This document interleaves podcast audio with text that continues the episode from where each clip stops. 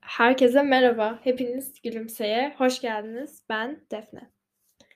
Bugün çok uzun zamandır yapmak istediğim ama bir türlü vakit bulamadım ve şu an sonunda bulduğum Evet cümle çok uzuyor. Bugün uzun zamandır yapmak istediğim bir serinin ilk bölümüyle başlıyorum bu seriye. Serimizin adı Manipüle misin? Manipüle misin bağlamında 4 adet psikolojik ve duygusal manipülasyon tekniğini işliyor olacağız. Ben manipülasyon konusu hakkında okumayı, araştırma yapmayı çok seviyorum. Tabii ki yani manipüle etmek için kullanmıyorum. Kullanmamaya çalışıyorum insanlar üstünde ama konu olarak benim çok ilgimi çekiyor ve mesela hani bana karşı bir manipülasyon uygulamaya çalıştığında biri ben bunu fark edebiliyorum. Bu da ayrı bir etkisi. Bununla ilgili ayrıca bir kitap okuyorum hatta Dark Psychology and Manipulation diye bölümlerin bir tanesini önermiş olmam lazım. Manipülasyon nasıl yapılır? Manipülasyon nedir? Bu konular benim çok ilgimi çekiyor. O yüzden ben de dedim ki neden bir seri yapmayalım ve millet öğrenmesin. Çok güzel bir fikir oldu. Bugün gaslighting tekniğimizle bu seriye başlıyoruz. Ben bu seriye başlamadan önce ve gaslighting hakkında konuşmaya başlamadan önce şunu bir clarify etmek istiyorum. Öncelikle manipülasyon ne demek? Bunu da bir anlaştıktan sonra manipülasyon tekniklerini inceliyor olacağız önümüzdeki bir ay içinde. Manipülasyon nedir? Manipülasyonun sözlük tanımı veya psikolojik tanımı mı diyeyim? Genel tanımı şu. Birinin bir başkasını kendi doğruları, çıkarları, istekleri, ihtiyaçları yani durumda onun faydasına ne olacaksa onun için yönlendirmesi diğer kişiyi, onu kullanması ve bunu hani ona fark ettirmeden çeşitli söz oyunlarıyla vesaire bunu yapması. Ve aslında birinin sizi kontrol etmesi demek, manipüle edilmeniz. Şimdi biraz daha gaslighting üzerine konuşuyor olacağım. Daha onun üzerine odaklanıyor olacağız bu bölümde. Günümüzde gaslighting terimi mi diyeyim, kavram mı diyeyim. Özellikle bizim kuşağımız, Z kuşağı arasında çok yaygın böyle jargon olarak kullanılan bir kelime. Ya ben mesela mesajlaşırken falan insanlarla gayet sık kullanıyoruz yani. Gayet yaygın.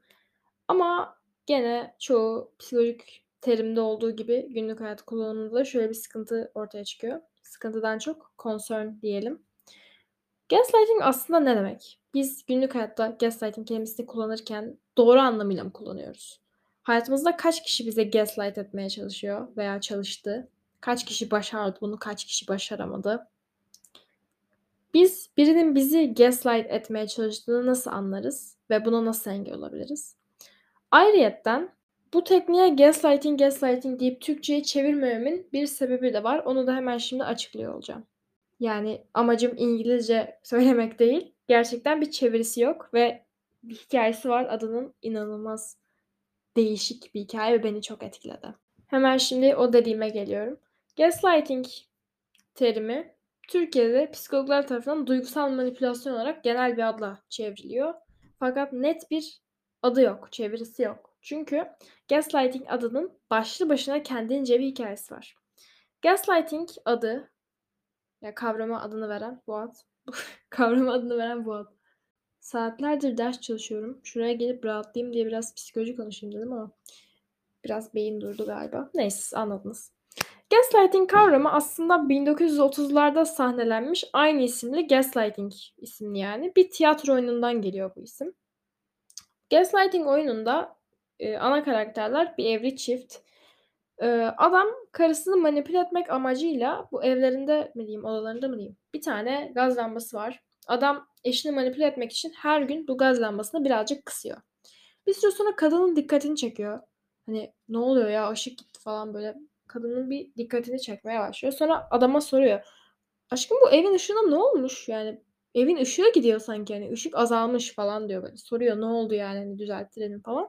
Adam kadın ne zaman sorsa işte aşkım ışık mı yok? diye adam şey demeye başlıyor işte sen nasıl böyle görürsün? Senin gözlerin bozuk sen kafayı yemişsin senin psikolojik ne gibi bir sorunun var? Işık normal sen körsün. falan bu tarz ya böyle şu an saldım bir kısmını da. Bu tarz böyle buna benzer sert kırıcı cevaplar veriyor karısına. Yani hiç durduk yere yani. Karısına böyle kötü davranıyor. Ve bu yaptıklarıyla eşinin özgüvenini kaybetmesini amaçlıyor ve, hani, eşinin böyle dominant fikirlerini ifade edebilen, özgüvenli bir insan olmasını engellemeye çalışıyor amacı. Oyunun sonunda da amacına çok güzel bir şekilde ulaştığını görüyoruz ve bu oyun bence gaslighting tekniğinin mantığını da çok büyük oranda bize açıklayan bir oyun. Gaslighting o kadar tehlikeli bir teknik ki ya bir kişiyi, hani, kendi hal ve hareketlerinden başlıyor. Sonra akıl sağlığını sorgulamaya başlıyor. Hani, acaba psikolojik olarak bir sıkıntım var, benim beynim düzgün mü çalışıyor, ben deli miyim tarzında sorgulamalar başlıyor. Çok ciddi case'lerde de kendi gerçekliğini, varlığını sorgulamaya başlıyor. Yani o artık biraz da psikotik bir durum herhâlde, ne diyeyim ama. Ya, küçük bir sözden akıl sağlığının bozulmasına kadar gidebiliyor. Gaslighting'e maruz kalan bir insan zaman içerisinde özgüvenini kaybetmeye başlıyor. Çünkü karşısında sürekli bir insan ona, hani, "Sen kötüsün, sen bilmiyorsun, sorun sende." Bu da önemli. Eee, bölümün kalan kısmında bu sorun sende olayına dönüş yapıyor olacağız. Kafası daima karışık oluyor. Çünkü karşısındaki manipülatör ona sürekli, işte, "Kafanda kuruyorsun." diyor. Bu da çok Buna da geri döneceğim. Ay, çok heyecanlandım şu anda. Anlatacağım şeyleri anlatmaya sırasını bozdum. Neyse. Kafası karışıyor, kendine güvenmemeye başlıyor. Kendine güvenmeyince bir ya, bir ortamda bir düşünce sahibi olduğu zaman bunu açık açık söylemekten çekiniyor. Bu ne demek? Pasif bir insan olmaya başlıyor. Toplumda baskın olmuyor. Yavaş yavaş silikleşmeye başlıyor, silinmeye başlıyor.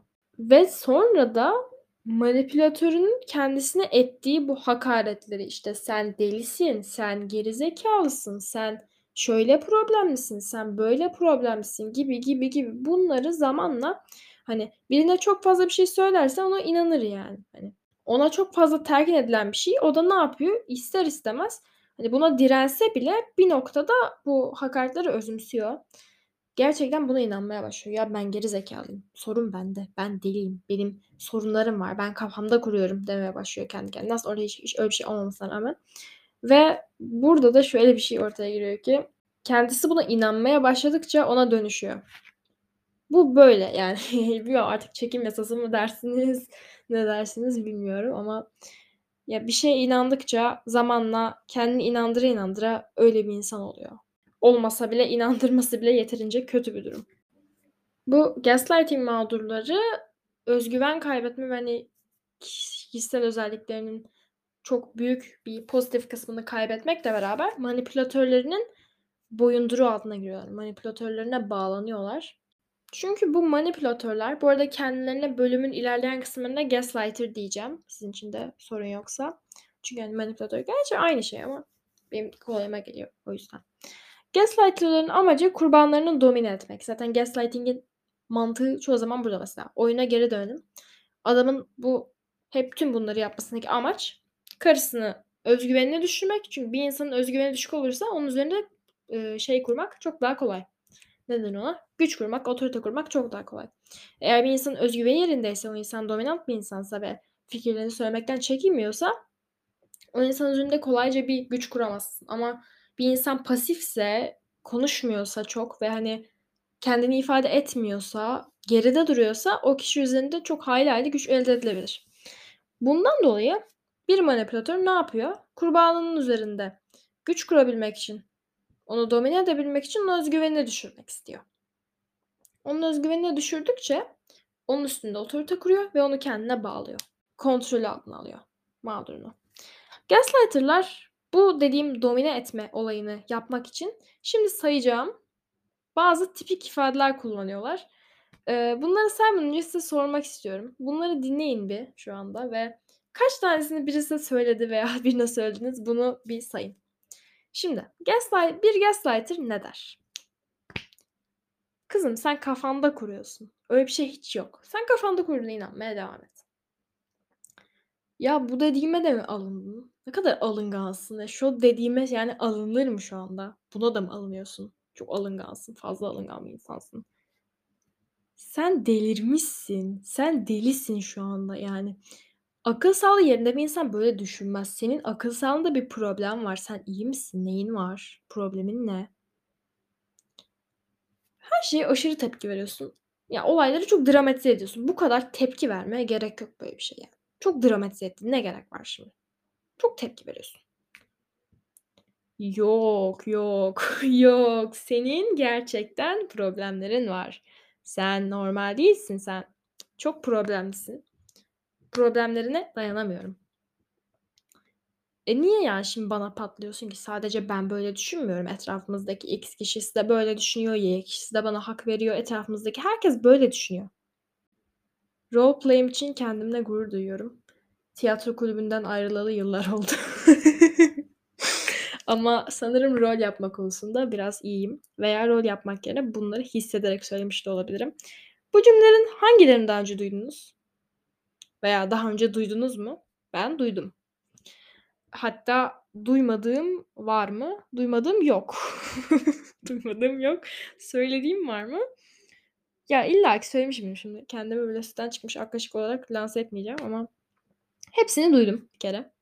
Belki de bu act out'lamam oradan başarılıdır. Arkadaşlar dikkat. Eğer hayatınızdaki biri bu ve benzer cümleleri size çok fazla sık sık yöneltiyorsa ve özellikle bir kişi hani spesifik olarak fazla olarak bunları cümleyi kuramadım ama diyeyim anlaşılmıştır diye düşünüyorum. Eğer bu cümleleri çok sık duyuyorsanız birinden amana gaslightlanıyor olabilirsiniz. Daha büyük ihtimalle gaslightlanıyorsunuz. Peki diyelim ki birinin size gaslighting uygulamaya çalıştığından şüphelendiniz veya birisi size bunu bariz bir şekilde uyguluyor ve fark etmediğinizi düşünüyor. Hmm, too bad for them ama siz peki bu durumda ne yapmalısınız? Şimdi konumuz bu.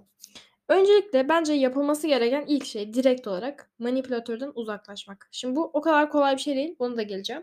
Manipülatörden uzaklaşmak çok önemli. Çünkü bence ya şu an insanlar hala daha günlük hayatta manipülasyon konusunda başarılı bir insanın ne kadar tehlikeli olduğuna dair bilinç sahibi değiller. Şimdi bu manipülatörü öyle bir insanlar ki mesela şu an ben az önce e, bu gaslighter'ların mağdurlarını, kurbanlarını, mağdurlarını hangisini kullanım hatırlamıyorum. Domine etmek için yaptığı şeyleri anlatırken kendi kendime böyle bir şaşırdım yani. Hani bir insan oturup bunları nasıl yapabilir? Hani bunları oturup planlayıp mı yapıyor?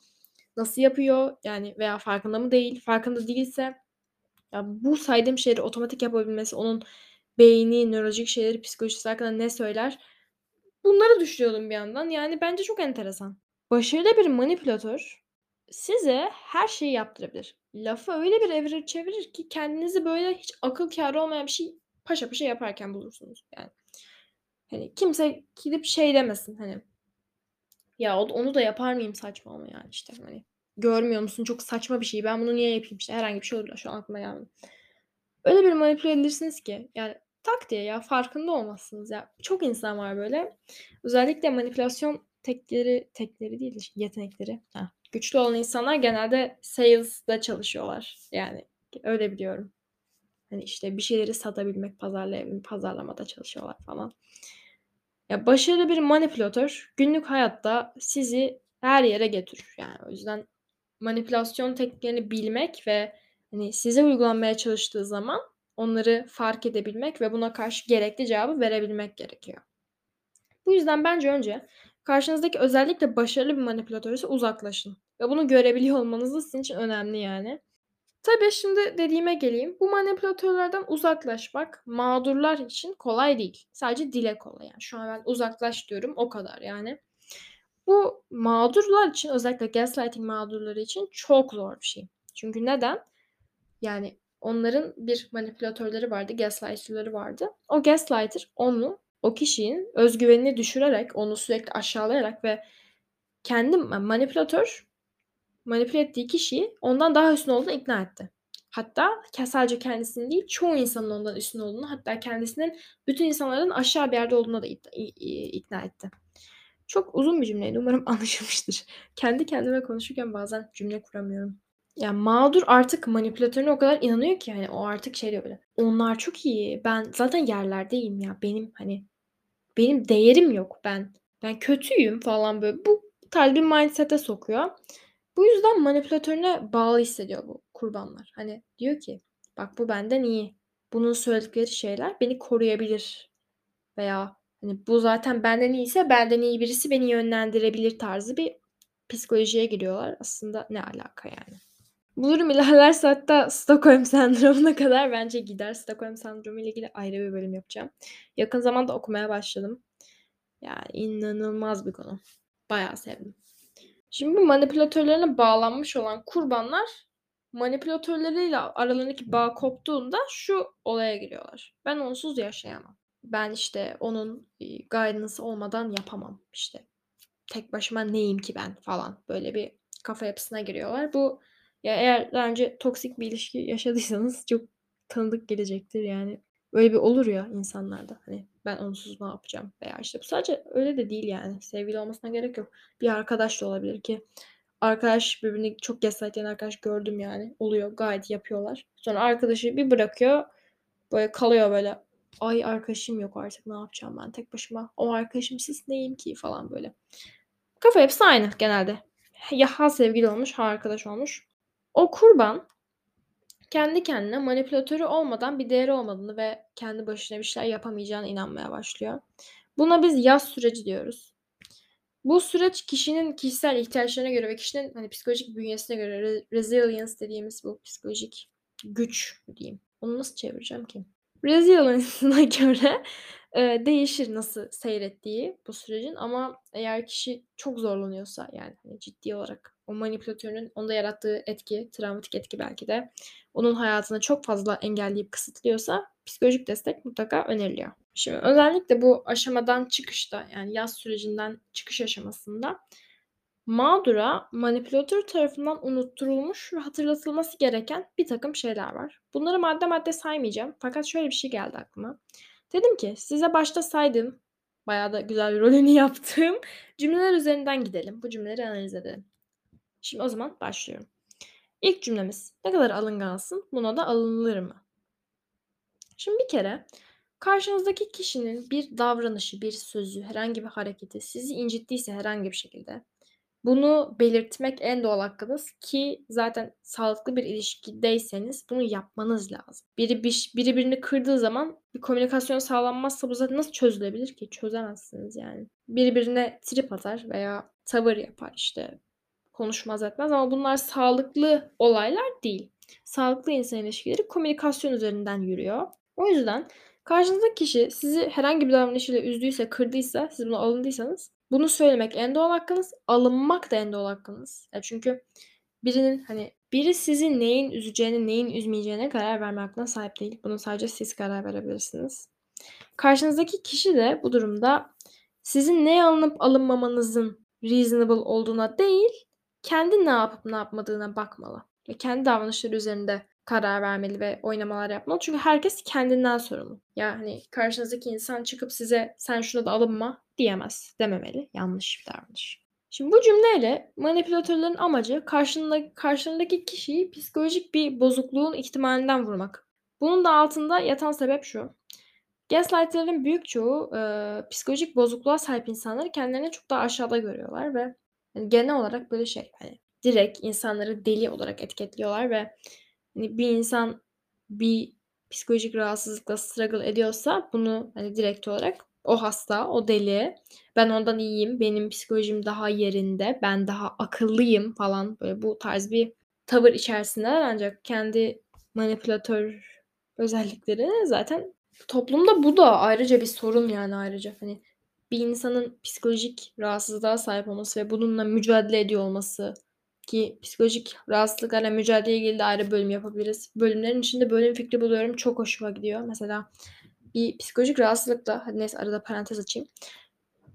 böyle ay ben geçen bir arkadaşım psikoloji anlatmayı çok seviyorum. Ya kendi kendime de konuşabilirim yani. Bildiğim şeyleri anlatmayı seviyorum veya yorum yapmayı seviyorum. O yüzden parantez açacağım. Mesela bir psikolojik rahatsızlıkla mücadele etmek daha önce özellikle yaşadıysanız bilirsiniz.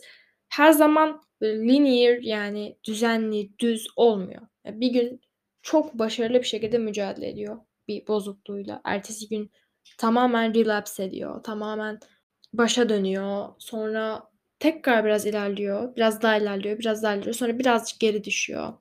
Ve bunun sonu iyileşiyor. Yani recovery'e gidiyor bunun sonu ama bu düz bir yol değil. Çok böyle dolambaçlı bir iyileşme yolu genelde. Parantezi kapatıyorum. Nerede kalmıştık? Bu insanlar yani manipülatörlerden bahsediyorum. Manipülatörlerin özellikle bir toplumda fazla oluşu o toplumun psikolojik rahatsızlıklara bakış açısını çok etkiler bence. Çünkü yani bir toplum psikolojik rahatsızlığa sahip insanları deli veya hasta olarak etiketliyorsa bu toplumun psikolojik sorunları hakkında da çok şey söyler ve birbirinin içine giren bir e, paradoks oluyor. O yüzden bu konuyu burada daha fazla irdelemeyeceğim. Çünkü felsefe podcastine döndü. Ayrıca ben burada biraz kişisel olacak ama ki gerçi kişisel oldu neyse. Size bir akıl sağlığınız hakkında yorum yapıyorsa o kişinin bence bir psikiyatrist olması lazım. Bir psikolog olması lazım veya hani en şeyinden psikolojik danışman olması lazım. Size akıl sağlığınız hakkında yorum yapabilecek tek insan psikoloji, psikiyatri, nörobilim bu tarz şeylerde bilgi sahibi olan insanlar bence. Çıkıp da adamın biri, kadının biri size sen delirmişsin akıl sağlığın yerinde ya tabii bu psikiyatrist falan çıkarsa bilemem ama yani çok büyük ihtimalle size bunu söyleyen insan bu tarz bir psikiyatrik bilgiye sahip değil. Sizin akıl sağlığınız hakkında ne gibi bir yorum yapabilir ki? Yani siz büyük ihtimalle daha çok şey biliyorsunuz yani manipülatörünüzle manipülatörünüzün bildiğine kıyasla. Hani biraz da onu düşünmekte fayda var. Bilmiyorum ben böyle biraz hani friendly advice oldu burada. Ama ben öyle düşünüyorum mesela. Biri bana akıl sağlığım hakkında yorum yapsa oturup ona şeyini çıkartırım yani. işte senin şu kompleksin var. Sen şurada şu davranış yaptın, şu manipülasyonu bana uyguladın. Senin işte bilmem ne şeyinde bozuk. Ya bilmiyorum yani. Karşınızdaki insan bence çok bilgi sahibi değilse çok da ciddi almaya gerek yok. Bu araya da böyle küçük kişisel friendly advice koymuş olayım. Üçüncü ve son cümlemiz çağımızın vebası. Bu cümleyi duymayan kaldı mı, söylemeyen kaldı mı? Söylemeyen umarım kalmıştır da duymayan kaldı mı emin değilim. Sen kafanda kurmuşsun cümlesini inceleyelim beraber. Şimdi bu cümleyle yine mağdura, yine her şeyi hayal ettiği, her şeyi kafasının içinde kurup oynayıp buna inandığı bir psikolojik bozukluk alarmı veriliyor yukarıdakine göre. Yani benziyor yine. Bu durumda şey de mümkün bu arada. Hani mağdur arkadaşın fazla her şey gerçekten fazla düşünüp overthink etmiş olması ve hani fazla düşünüp böyle hiç olmayan felaket senaryoları kurmuş olması da mümkün. Ki hatta %50-50 falan oluyordur büyük ihtimalle. Çünkü ben aşırı düşünen bir insandım. Şu an o kadar değil bu arada. Ben overthinking'i yani yenmeye başladım ve inanılmaz yani. yani benim şeyimle bağdaşmış bir şeydi o. Defne Jüngür overthinker. Defne Jüngür overthinker falan. Öyle olması gerekmiyormuş. Şu anda mesela ya gene düşünüyorum aslında. Hiç düşünmüyor değilim de yani eskiye kıyasla bayağı az düşünüyorum. Yani düşünüyorum bitiyor yani falan. Neyse gene konudan saptım. Böyle bir durumda hani birisi size kafanda kurmuşsun diyorsa gerçekten kafanızda da kurmuş olabilirsiniz. Ya sadece manipülatörü suçlamıyorum. Manipülatörü suçlayacağım ama şimdi değil. Ya bazen gerçekten kafamızda kuruyoruz. Ama bu durumda ne geliyor ortaya? Şimdi eğer karşınızdaki insan bir manipülatör olmasaydı size aşırı düşündüğünüzde şöyle bir cümle kurması lazım. İşte canım çok düşünmüşsün. Kafanın içinde çok fazla düşünce olduğunu görüyorum şu anda. Sen paniklemişsin. Çok fazla düşünmüşsün ve seni anlıyorum. Gel neler düşündün? Fikirlerin neler? Neler hissediyorsun? Konuşalım demesi lazım. Hani gidip sen kafanda kurmuşsun, sen delisin falan demez. Hiçbir sağlıklı insan ve sağlıklı ilişkiler kurabilen bir insan. Hiçbir insan böyle bir cümle kurmaz. Yani manipülatör değilse. Yani sen kafanda kurmuşsun direkt olarak bir manipülasyon cümlesi. Yani bunun üzerine çok aslında söyleyecek bir şey yok. Yani tamamen hani tekrar az önce bahsettiğimiz bu direkt olarak psikolojik bozuklukla etiketleme mevzusu giriyor işin içine. Bu cümleyi lütfen lügattan silelim ya. Gerçekten yani. Böyle bir cümle niye var? Bu cümleyi kim çıkardı Allah aşkına? Komik yani bilmiyorum. Evet bölümü yavaştan kapatacağım. Çünkü çok uykum geldi. o kadar uykum var. Sabahtan beri ders çalışıyorum. Bölüm yine saat kaç bakayım ben? O kadar geç değilmiş. Bölüm gene gece yarısına kaldı. Öyle. Bölüm aralarındaki süre farklarından dolayı özür diliyorum hepinizden. E, hayata yetişmeye çalışıyorum öyle söyleyeyim. E, gün içinde boş vaktim yok. Ciddiyim. Hani bir saat falan belki. Çok e, yoğun bir tempoya alışmaya çalışıyorum. Ama hayatımın yeni bir e, chapter olduğunu düşünüyorum. O da ayrıca bir konu. Onunla ilgili de bir bölüm yapabilirim. Üç tane bölüm çıkardım bir bölümden. Çok verimliydi yani. Evet. Bölüm aralıkları biraz böyle oluyor ama şu anda onun üzerinde çalışıyorum. Yani olabildiğince fazla bölüm, eee, yayınlamaya çalışacağım. Anlayışınıza da sığınıyorum bu konuda yani. Hepinize teşekkür ediyorum. Bölümü kapatmak için söyleyeceğim son birkaç şey.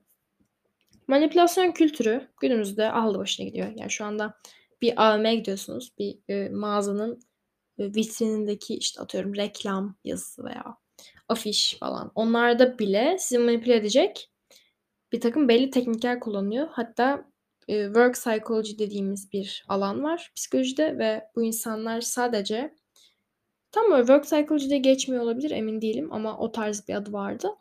Bu insanlar şirketlerde çalışıyorlar ve yani şirketler bu psikologlara çok büyük paralar ödüyor. Bu arada düşünürseniz kariyer şey olarak yani. Bu insanlar bir, eee, markayı, bir ürünü pazarlamanın psikolojik yollarıyla ilgileniyorlar.